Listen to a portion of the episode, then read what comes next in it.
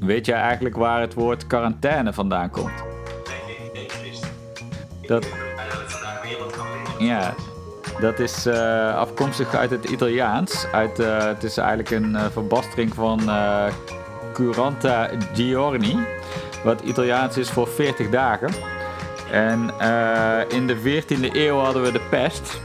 En toen kwamen schepen in Venetië aan. En voordat die de haven van Venetië in mochten, moesten die daar een, een tijdje buiten gaats blijven liggen. En dat tijdje, dat waren dus 40 dagen.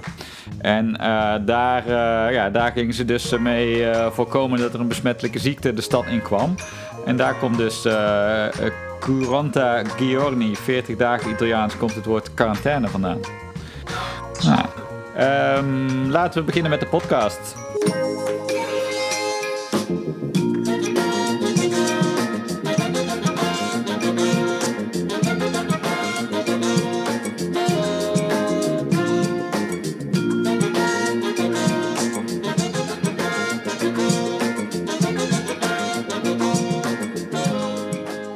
Dames en heren, van harte welkom bij aflevering 32 van Current Obsessions, de leukste podcast over marketing en media. Ik zit hier samen met Bram Leijten, of eigenlijk zit ik hier niet, want uh, we zijn een podcast aan het opnemen op afstand. Hij zit in zijn huis, ik zit in mijn huis. Um, en wij hebben contact via een videoscherm. Uh, Bram is inmiddels de ex-CEO van Zelstroom. En voor wie Zelstroom niet kent, het is het leukste en beste bedrijf dat zonnepanelen verhuurt. Uh, we zijn ook nu gewoon vol in bedrijf. Dus als jij wil weten hoeveel jij kunt verdienen met zonnepanelen, ga je meteen even naar zelstroom.nl. Tot zover dit bericht van onze sponsor. Um, ja, Bram, wij zouden het gaan hebben over Zelstroom en ondernemen. Uh, maar ja, eigenlijk hebben we samen een beetje bedacht om voor dit gesprek de bakens wat te verzetten. Uh, want we staan met z'n allen voor een grote opgave. En dat vraagt ja, om een ander soort mindset. En ik wil het eigenlijk vandaag met jou hebben over de impact van deze crisis op ons als maatschappij. En niet per se de korte termijn, maar eigenlijk juist ook de lange termijn. Wat gaat dit met ons doen? Wat voor gevolgen gaat dit hebben? En uh, wat mij betreft is het thema voor vandaag dan ook Never Waste a Good Crisis. Um, en ik zou eigenlijk willen beginnen met een hele brede open vraag. Uh, wat voor positieve dingen zouden uit deze crisis nou kunnen voortkomen voor ons als maatschappij, denk jij? Ja, Christ, uh, allereerst uh, leuk om uh, te gast te zijn bij je in deze podcast. Ik heb al een aantal van je ge gehoord en ik voel me erg vereerd. Um, het is natuurlijk een rare situatie waar we allemaal in zitten. Um, ik zie daar zeker ook een aantal positieve effecten, die zal ik zo even benoemen. Maar het is natuurlijk een. Um, ja, een situatie. Ik zie het eigenlijk als maar als we, alsof we met de hele wereld in een soort achtbaan zijn gestapt. Die voor een heel groot deel overdekt is. En waardoor je echt niet ziet wat er aankomt. We hebben net de eerste looping gehad. Maar niemand die weet wat er allemaal nog gaat komen eh, onderweg. Het is in ieder geval een hele spannende achtbaan, dat weten we. En uh, we weten ook niet hoe lang die duurt. We zien het licht aan het einde van de tunnel nog niet. Um, en ja, het is een hele rare situatie. Um, als je het wat meer filosofisch bekijkt, dan uh, is het misschien Moeder Aarde die een uh, gele kaart trekt en ons op de knieën dwingt om uh, toch eens goed te gaan kijken of dit nog wel de manier is waarop we met elkaar om moeten gaan. Um, en ja, ons aan het denken zet om misschien een aantal dingen structureel te gaan veranderen. Um, welke positieve effecten zie ik nu? En nu is 18 maart de, het opnemen van, terwijl wij in Nederland nog niet in een volledige lockdown zitten. Um, waarin uh, op het moment dat uh, de scholen wel dicht zijn en de horeca dicht is en de reisbranche en de evenementenbranche stil ligt. Wat je ziet is dat we dus veel minder vliegen, veel minder autorijden. en dat er nu al meetbare effecten zijn op de luchtkwaliteit. dus voor de korte termijn zal de luchtkwaliteit sterk verbeteren. Dat zien we ook al in de eerste animaties uit Noord-Italië. Uh, wat het voor lange termijn impact, positieve impact heeft op het klimaat, moeten we nog maar gaan zien. Dat hangt vooral af van in welke mate dat we straks weer teruggaan naar oud gedrag of niet. Mm. Maar ik hoop en, en, en ja, ik hoop eigenlijk ook op een duurzaam positief effect uh, op het klimaat, doordat wij um, ons gedrag gaan veranderen. Ja. Komt straks nog wel even te sprake. Tweede is de waardering voor de natuur. Ehm, mensen gaan er massaal op uit. Het is het enige vertier wat er nog buiten de deur is. Uh, geen attractieparken meer, geen bungalowparken meer, geen hysterische all-inclusive resorts, maar heel simpel de natuur. Uh Ja, en ik hoop dat, dat iedereen uh, de, de, natuur respecteert, maar ook weer gaat waarderen hoe mooi uh, die eigenlijk is en veelzijdig. Ja. Dan dichter bij huis het gezin. Uh, je, moet, je bent op elkaar toegewezen, uh, je doet meer met elkaar. Uh, bij schoolgaande kinderen zijn de ouders toch wel aange, de aangewezenen om, ja, om te leren. Ehm, nou, dat geeft een hele mooie nieuwe verbinding, inzicht in kind, maar ook inzicht in het schoolsysteem. In ieder geval word je als gezin hechter, je doet meer met elkaar en wat ik ook wel zie is meer creativiteit met de handen. Uh, omdat er gewoon, ja, je bent. De kinderen gaan niet meer naar sportvereniging of, uh, of, of muziekles of wat dan ook. Uh, dus er moet meer thuis gedaan worden. Nou, Ga jij nou ook klussen en carnavalswagens bouwen? nou, ik, ik kan mij heel goed voorstellen dat, dat, dat in en om het huis uh, natuurlijk heel veel te doen is. En ja, de, de, toekomst zal uitwijzen van wat ik ga doen. Ik vind klussen heel erg leuk, overigens. Ja. Uh, uh, dus dat ga ik zeker doen. Maar nou ja, ook misschien een stukje muziek maken. Maar ook meer met de kinderen doen. Ja. Gewoon samen met hun dingen doen. En dat, nou, dat, dat vind ik ook wel heel waardevol. Nou, het laatste punt als positief effect zijn natuurlijk de, de systeemveranderingen die er misschien wel aan zitten te komen. Het onderwijssysteem, wat natuurlijk al jarenlang uh, onder druk staat. Uh, dat wordt sterk beproefd. En ja, het leren op afstand of het blended learning, waarbij ouders en uh, leraren uh, samen een rol hebben. Nou, zijn, ik ben heel nieuwsgierig naar de inzichten ja. over een tijdje. Ja. ja het is natuurlijk ook best wel, omdat we het nu moeten, uh, ga je ook weer op een gegeven moment afvragen. Ja, waarom, waarom gaan we eigenlijk met z'n allen om uh, half negen in de file staan? Uh, om dan om negen uur allemaal ieder voor zich achter zijn scherm te zitten. dat is natuurlijk ook een soort historie uit een tijd dat we fabrieken hadden en je moest dan naar die plek toe. Maar voor een heel groot deel van de mensen in Nederland of de westerse wereld is het toch veel denkwerk en samenwerken wat met technologie tegenwoordig op afstand kan. Maar we zijn gewoon nog opgevoed met het, het oude DNA van zo deden we het altijd. En er is nog niemand die op die resetknop heeft gedrukt. Maar nu misschien wel. Ja, helemaal mee eens, Chris. Dit, dit er is een, een, een, punt, het thuiswerken, wat dan nu uh, natuurlijk ultiem wordt getest, uh, heeft een enorme positieve impact op, um, op het vervoer. En je moet je voorstellen, als je ziet ook wat in alle steden, hoe hard daar wordt gebouwd in kantoren, uh, hoe krap uh, verkeer daar is, wat voor een impact dat allemaal heeft. Uh, openbaar vervoercapaciteit. We zijn met z'n allen zo ongelooflijk druk om, um, om dat steeds verder te faciliteren.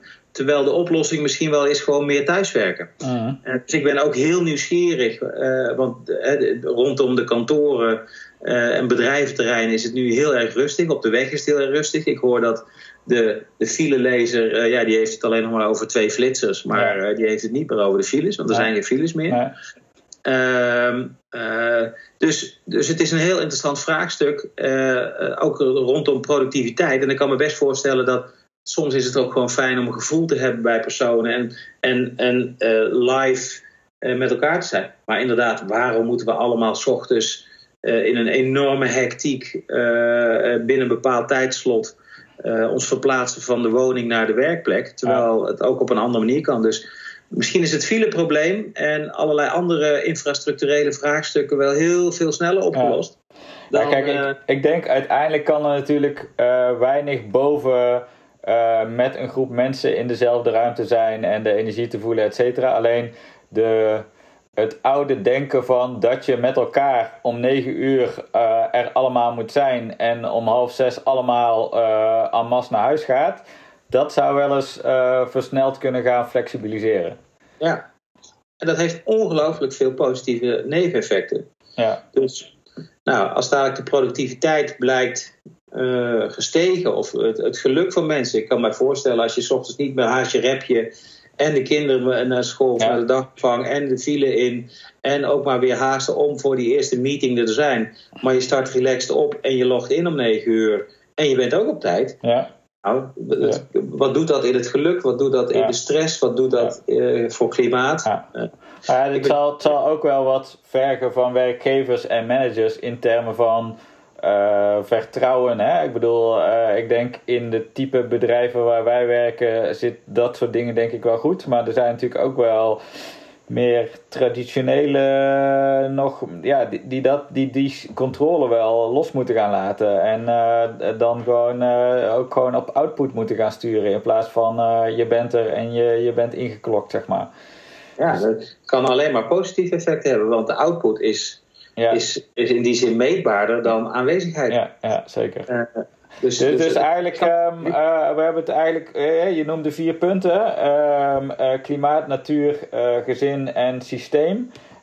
dus we zitten nou een beetje over dat systeem door te dingen, waarbij we eigenlijk de, het werken op afstand in ieder geval wel als een, een, een grote reset zou, zou kunnen zijn. We weten natuurlijk nog niet hoe het uit gaat pakken, maar daar zit in ieder geval wel een een grote optie, denk ik. Ja, bij werk op afstand, eh, onderwijs noem ik al. Dus ja. Ehm, eh, als je kijkt, als je even uh, kijkt naar een van de boeken van Yuval Harari, waarin die um, grote vraagtekens zet bij ons huidige onderwijssysteem, maar waarbij je eigenlijk vergelijkbaar met een, een kantoorbaan allemaal heel erg hard je best doet om kinderen op een bepaald tijdstip, s ochtends vroeg, in een lokaal te duwen. En vervolgens met 30 man tegelijk uh, ja, staat er iemand voor de klas die met uh, ongelooflijk veel inzet en energie uh, kennis probeert over te brengen. Terwijl met de techniek van vandaag en de interactie en kunstmatige intelligentie, je natuurlijk veel betere leersystemen kunt ontwikkelen. Waarbij je natuurlijk ook niet moet vergeten de sociale rol van, van school. als het gaat om samenwerken, als het gaat om spelen, als het gaat om nou, sociale verbindingen maken. Die wil ik zeker niet uitvlakken. Maar als je het hebt over het overbrengen van kennis en vaardigheden, ja. kan ik me heel goed voorstellen dat er hele interessante inzichten komen uit deze manier van uh, thuis, thuisschoolsituatie maar eventjes. Ja. ja, en ook dat digitale stuk is natuurlijk dan ook... kun je nog veel specifieker op maat maken. Hè? Want nu stop je 30 kinderen in een klas die min of meer hetzelfde niveau hebben. Maar daarbinnen is de, is de range sowieso al heel groot. Dan is er ook nog een verschil in range. De een is goed in taal, uh, maar niet in rekenen. En de ander is andersom. Uh, terwijl je dat soort dingen dus met dat digitale stuk wel opvangt.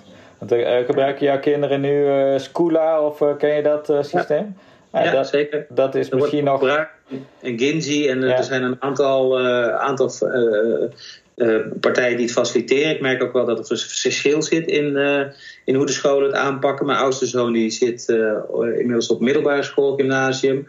Ja, die moeten ook via Teams gewoon zich melden. En daar wordt gewoon in een online klaslokaal uh, lesgegeven, ben je afwezig, dan ben je ook absent. En heb je dat, dan moet je dat uitleggen. Dus je, je hebt gewoon ook een meldingsplicht. Dus daar zitten ze echt heel kort op de bal.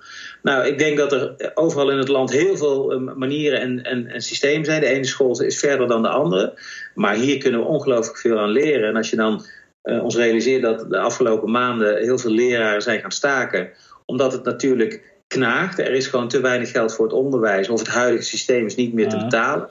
Dat heeft uiteindelijk negatieve impact in ons, hoe de, de nieuwe generatie wordt opgeleid. Nou, ik merk dat ook. Uh, als ik kijk naar uh, uh, de mate waarin het werk van mijn kinderen kan worden nagekeken. Nou, dan zie ik dat daar heel veel gaten in zitten, die wij nu opvangen ik geloof dat we ongelooflijk veel gaan leren van, van deze situatie. En daardoor uiteindelijk uit gaan komen in een veel beter, effectiever onderwijssysteem, wat ook nog eens te betalen is. Ja, en kijk, voor die, voor die onderwijs, de, daar geldt natuurlijk ook een, een soortgelijke parallel als wat we net uh, zeiden over thuiswerken. Dat je dus vroeger moest je naar de fabriek, omdat dat niet anders kon. En Vroeger was het natuurlijk ook gewoon, vroeger moest je naar uh, dat klaslokaal omdat er nog geen digitale middelen waren die op afstand en et cetera. Dus daar, daar zit een soort gelijk ding van we doen dat omdat we het altijd zo deden. maar dat betekent niet dat dat met in de huidige tijd de, de slimste manier is. Maar het, het, het gekke is dat mensen komen denk ik heel moeilijk los van hetgeen wat ze altijd al gedaan hebben. Zeg maar de echte paradigmaverschuivingen, daar moet toch wel een soort Big Bang aan vooraf gaan. Ja, en misschien zitten we daar dus nu al in. Never waste a good crisis, zeggen ze. Hè? Ja, dat, uh, dat is uh, zonder meer, uh, denk ik, nu aan de hand. Nou ja, als we, als we er maar gebruik van gaan maken. Maar dus we hebben, onderwijs, of we hebben thuiswerken, onderwijs en volgens mij noemde jij er nog één.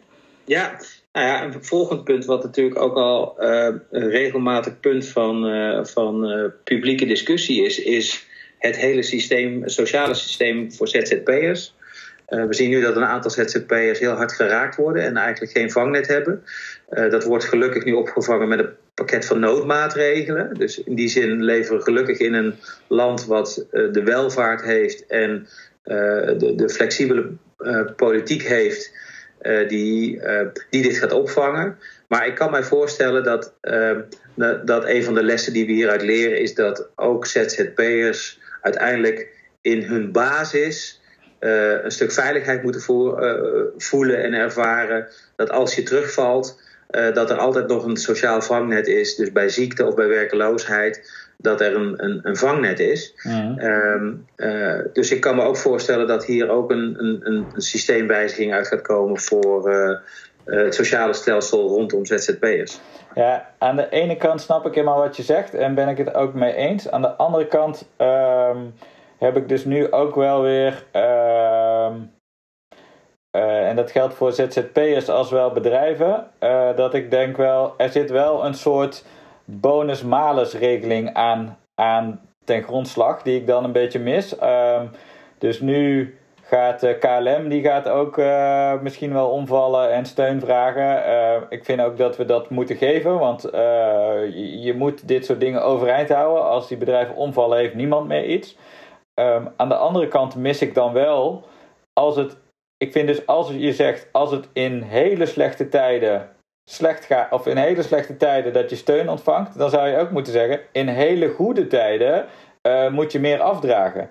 En ik heb het gevoel dat het eerste gebeurt wel. We hebben het met de banken gezien, dat is misschien een, een ander voorbeeld, maar uh, toch. Uh, dus in hele slechte tijden krijgen zij steun. Maar in hele goede tijden worden er gewoon uh, bizarre winsten gedraaid. En dan, dan mis ik daarin wel een beetje bonus-malus.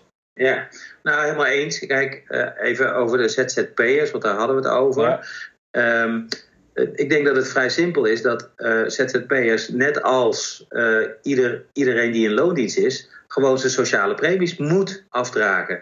En nu zit daar nog een bepaalde vrijwilligheid in. Mm. Uh, en of jij je verzekert tegen werkeloosheid, dat is vrijwillig. Ja. Bij, of tegen ziekte, dat is vrijwillig bij een uh, ZZP'er. Maar, maar dan zeg je dus eigenlijk. Wat is, is gewoon verplicht verzekerd. Ja, dus dan zeg je eigenlijk gewoon, uh, er is een vangnet, maar eigenlijk betaal je dat toch uh, zelf. Maar door het te verplichten bescherm je de mens voor zichzelf als alle ZZP'ers de afgelopen jaren uh, verplicht waren om hun bijdrage erin te leveren, op de manier zoals iedereen die in loondienst is geweest dat ook heeft gedaan, ja, dan zou je nu niet zo'n pakket van noodmaatregelen nodig hebben. Ja, oké.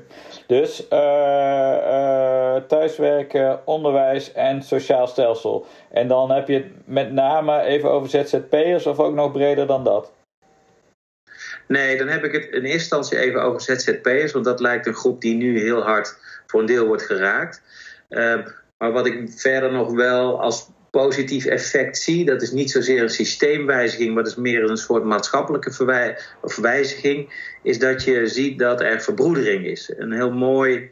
Uh, uh, mooie beweging. Ik hoor eigenlijk niks meer in de media over conflicten, over verschillen, over rassen, over weet ik veel wat. We zijn allemaal wereldburger, we zijn allemaal Nederlander. Het is, we zijn allemaal aan het vechten tegen dezelfde vijand. Uh, en, en dat verbindt ook heel mooi. En uh, nou, ik zie ook hier in de omgeving allerlei hele mooie initiatieven om mensen die de steun nodig hebben. Enerzijds omdat ze bijvoorbeeld in de zorg werken en, en, en overuren draaien. En andere mensen die die door, tot de kwetsbare groep behoren en eigenlijk nergens meer kunnen komen of durven te komen. Ehm, dat die, uh, dat die ondersteund worden uit onverwachte hoek. En dat is wel heel erg mooi om te zien. En dat geeft, uh, nou, dat, is ook wel weer wat ontroerend wat er aan de hand is. Het, uh, het verbinden van mensen onderling en de bereidheid om het met elkaar te doen. Ja. Ja, en, en wat ik ook wel interessant vind is, het is niet helemaal hetzelfde als de sociale verbinding, maar wel de slagkracht in het zoeken naar oplossingen. Hè, dus uh, de noodpakket aan maatregelen, om het maar iets te noemen, dat is natuurlijk een ongelooflijk ingewikkeld uh, financieel uh, stuk wat je dan ingaat. En daar wordt dan nu toch echt in no time op, op besloten en doorgepakt. Ja. En dat is dus wel mooi dat dat dus kan. Als we met z'n allen willen, dan hoef je dus ook. Nou, hè, we hebben natuurlijk al wel vaak gehad over eh, klimaat en maatregelen vanuit het werk uh, wat we doen. Uh, dat is dan weer zo'n onderwerp waar eindeloos over gedebatteerd wordt. Maar als een crisis, een acute crisis zoals dit zich aandient, dan blijkt er ineens veel meer te kunnen dan een sluipende crisis. Nou, dat is zo. Terwijl die sluipende crisis waar we natuurlijk in zitten, de, de, de klimaatcrisis die is uh, veel minder snel te pareren en veel uh, fataler dan waar we nu zitten. Ja. En een andere interessante vraag die, uh, die straks ook overblijft, is natuurlijk hoe gaan wij ons wapenen tegen een volgend virus, die toevallig eens veel dodelijker is. Ja. Want we hebben hier het geluk, aan de ene kant is het een virus wat zich heel makkelijk verspreidt, maar aan de andere kant hebben we het geluk dat het een, een virus is wat, um, wat maar beperkt dodelijk is. Ja. Um, maar stel nou dat iedereen die het heeft, dat 50% overlijdt. Ja. Hoe zouden we als maatschappij ons daartegen kunnen wapenen? Ja. Nou, dat zijn wel interessante vraagstukken waar we ook tijd, geld en energie in moeten stoppen. Want anders uh, zijn we nou, nog steeds ja. uh, super kwetsbaar. Ja. ja, het is misschien wel een generale repetitie. En uh, dat, ik vind dat nu ja, we weten natuurlijk nu op dit moment nog niet uh, waar het naartoe gaat. Ik vind het tot nu toe uh, dat de overheid het goed doet. Ik vind ook wel weer dingen als uh, toen we in Nederland de eerste besmetting hadden, was dat twee of drie weken geleden op een maandag. Nou, dan krijgt zo'n website als RIVM op diezelfde avond 1 miljoen bezoekers. Maar die site blijft wel gewoon in de lucht. Hè, dat zijn kleine dingen tussen aanhalingstekens. Maar ik bedoel, when shit hits the fan, dan moeten er wel dat soort systemen moeten blijven doordraaien. Want anders dan lig je heel snel plat met elkaar. En, en dan vind ik dat het nu nog best wel goed gaat allemaal. Absoluut. Wat dat betreft wonen we natuurlijk in een land wat nou ja, bijna betere omstandigheden om dit eh, aan te gaan is er niet. Nee. Maar we, we, moeten ons ook realiseren dat wij als Nederland natuurlijk geen eiland zijn. En dat er landen om ons heen zijn die het moeilijker hebben. Mm. En dan zal Duitsland ook nog allemaal wel goed gaan. Maar in het zuiden van Europa, Italië zat natuurlijk al continu, zelfs in, in uh, waar de wereldconjunctuur in een bepaalde hoogtij zat. Mm. Dus uh, landen zoals Italië nog steeds aan het kwakkelen met hun begroting. Ja. Nou ja, je kunt je voorstellen wat daar aan het gebeuren is. Ja. Dat een, een, een nekslag is die die gigantische impact kan hebben. Wat dan uiteindelijk toch ook alweer een domino-effect binnen de hele uh, Europese of wereldeconomie gaat hebben. Ja. Uh, met alle verschuivingen van dien, die, ja, die niemand eigenlijk precies kan overzien. Dus uh, het grote vraagteken is toch wel van hoe snel wordt, wordt de basiseconomie toch weer opgestart in Europa. Mhm. En daarin, dat is natuurlijk een groot vraagteken, want aan de ene kant horen we berichten dat China alweer langzamerhand op wordt gestart. Uh um, vandaag kwam het bericht dat 84% van de productie van zonnepanelen alweer draait. Okay. Dat is natuurlijk iets waar wij uh, veel verbinding mee hebben. Dus, dus uh, de, de, de, koffietentjes daar gaan weer open. dus, en, en, en het virus lijkt zich daar te stabiliseren. Um, maar we hebben hier in Europa natuurlijk een hele andere aanpak. Een veel minder radicale aanpak. Geen lockdown, wat ze in China wel hebben gedaan. Ja.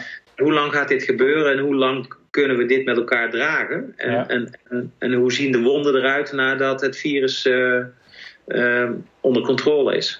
Ja, en het is ook. Uh, kijk, wat je in Europa zag na de Tweede Wereldoorlog met uh, de investeringen die Amerika deed, dat dat uiteindelijk een enorme boost gaf in economische groei. Um, maar toen had je dus wel een heel groot land wat een sterke economie had en geld om dat te kunnen doen. Maar als we dit allemaal uh, te pakken hebben, dan is er dus ook niet meer uh, een, een, uh, een partij die kan zeggen: Zo, nu, komen nu komen we de, de New Deal voor de Corona Times, zeg maar. dus dat wordt ook nog wel interessant. Van waar komen dan die, de, de, de New Deal-achtige initiatieven vandaan? Nou ja, zoals het er nu uitziet. Kijk, China was al aardig op weg om wereldmacht nummer 1 te worden en het, het rijkste land ter wereld. Ehm, en als zij werkelijk met de getallen die er nu zijn, dan komen zij met, met beperkte kleerscheuren uit deze crisis. Ja, dan is China uh, de, enige die hier nog eh, heel sterk uit. Ja, maar dus dan, dan is het sowieso een soort omklapping van een, een traject wat al gaande was. Hè? Dat daar uh, het, het zwaartepunt naartoe aan het schuiven is, is dat, dat gaat dan even extreem snel die kant op. Maar ik zie uh, maar ja, daar weet ik misschien ook te weinig van. Maar mijn gevoel zegt dat China niet zo uh, zoals uh, Amerika de hand uitstak naar Europa na de Tweede Wereldoorlog. Zie ik China dat niet per se zo snel doen ehm, na deze crisis. Hoewel zij er ook een economisch belang bij hebben. Maar ja, dat moeten we dan toch nog maar even afwachten wat we daar dan voor ehm, voorwaarden voor moeten inleveren, zeg maar. Ja, je ziet dat China overal in de wereld waar al financiële problemen waren, de, de helpende hand uh, uitsteekt, maar daar altijd iets voor terug wil. In de vorm van een haven of een spoorlijn of een ja. kopermijn of wat dan ook. Dus uh, niks voor niks. Nee, nee. Dus dat zijn belangrijke dingen inderdaad. Um, ja, het zijn natuurlijk uh, best gekke tijden. ZZP'ers hebben we het net over gehad, ondernemers. Maar eigenlijk geldt dit misschien wel in in brede zin voor iedereen in de maatschappij, uh, waarbij banen op de tocht staan. Uh, dus het, het kan zomaar zijn dat, er, dat je nu zonder inkomen komt te zitten. Uh, jij bent een ondernemende persoonlijkheid. Hoe, wat denk je voor die mensen? Hoe kijk je daar tegenaan? Nou, Darwin die zei ooit: niet de sterkste of de meest intelligente zullen overleven, maar degene die zich het best kan aanpassen aan verandering. En um, ik denk dat, dat, dat daarin de ondernemers, maar eigenlijk alle mensen die op dit moment met een enorme verandering worden uh, geconfronteerd. En daar waar het hun inkomen raakt, ja, die worden op dit moment natuurlijk het meeste uitgedaagd om flexibel te zijn en anders te denken. En uh, uh, nou, er zijn wellicht een aantal alternatieven uh, voor mensen die, ehm, ehm, die in die situatie zitten. Uh, suggestie die ik in ieder geval heb is: neem het heft zoveel mogelijk in eigen handen. Wacht niet op de steunmaatregelen, maar gooi het roer om. En zorg dat je werk hebt in de wereld van nu en niet in de wereld van gisteren. Uh, er zijn natuurlijk een aantal branches en uh, bedrijven waar de vraag juist nu stijgt. En waar wellicht extra werk is. Ook al is het misschien maar tijdelijk. Maar hey, het gaat juist om het oplossen van een tijdelijke situatie.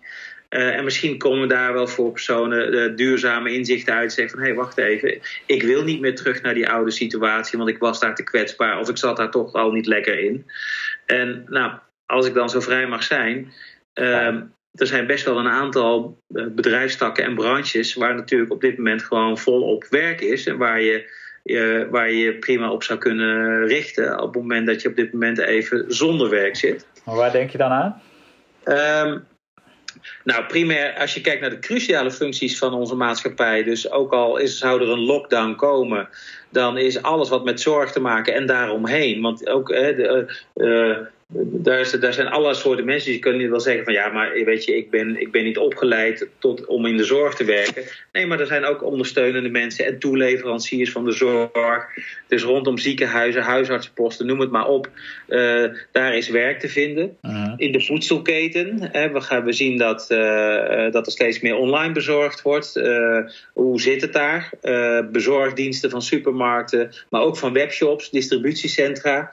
Um, Stel dat we dadelijk naar een volledige lockdown gaan. Nou, dan komt daar druk op de ketel, die is, ja. uh, die is onvoorstelbaar. Nou, daar is heel veel werk te doen. We hebben heel veel mensen nodig. We hebben busjes nodig, we hebben chauffeurs nodig, we hebben mensen in distributiecentra nodig die, uh, uh, die dat kunnen verzorgen.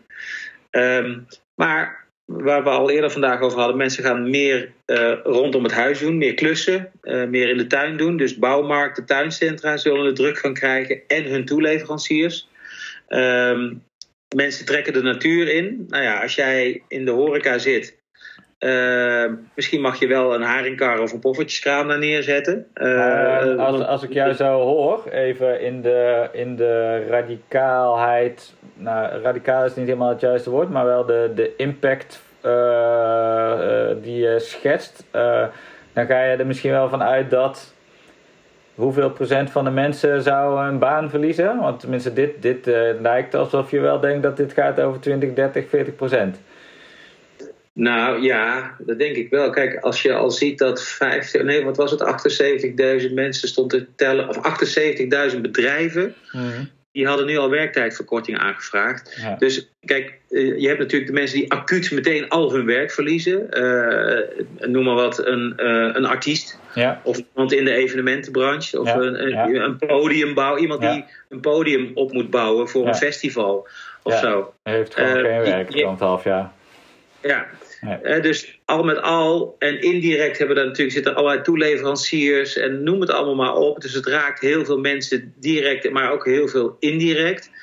Uh, dus ik geloof echt wel dat 20, 30, misschien wel 40 procent van, uh, van uh, werkend Nederland wordt geraakt.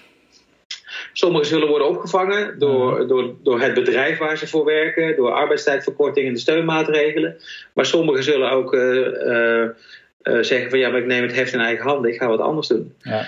Um, heel simpel voorbeeld, omdat het natuurlijk voor ons heel dichtbij is. En wij hebben nog steeds mensen tekort als het gaat om het monteren van zonnepanelen. um, iemand die uh, normaal gesproken een, een, podium opbouwt voor een festival, uh, kan volgens mij ook heel goed ja. in die branche gaan werken. En daar is volop werk. Ja. Even als voorbeeld. Ja.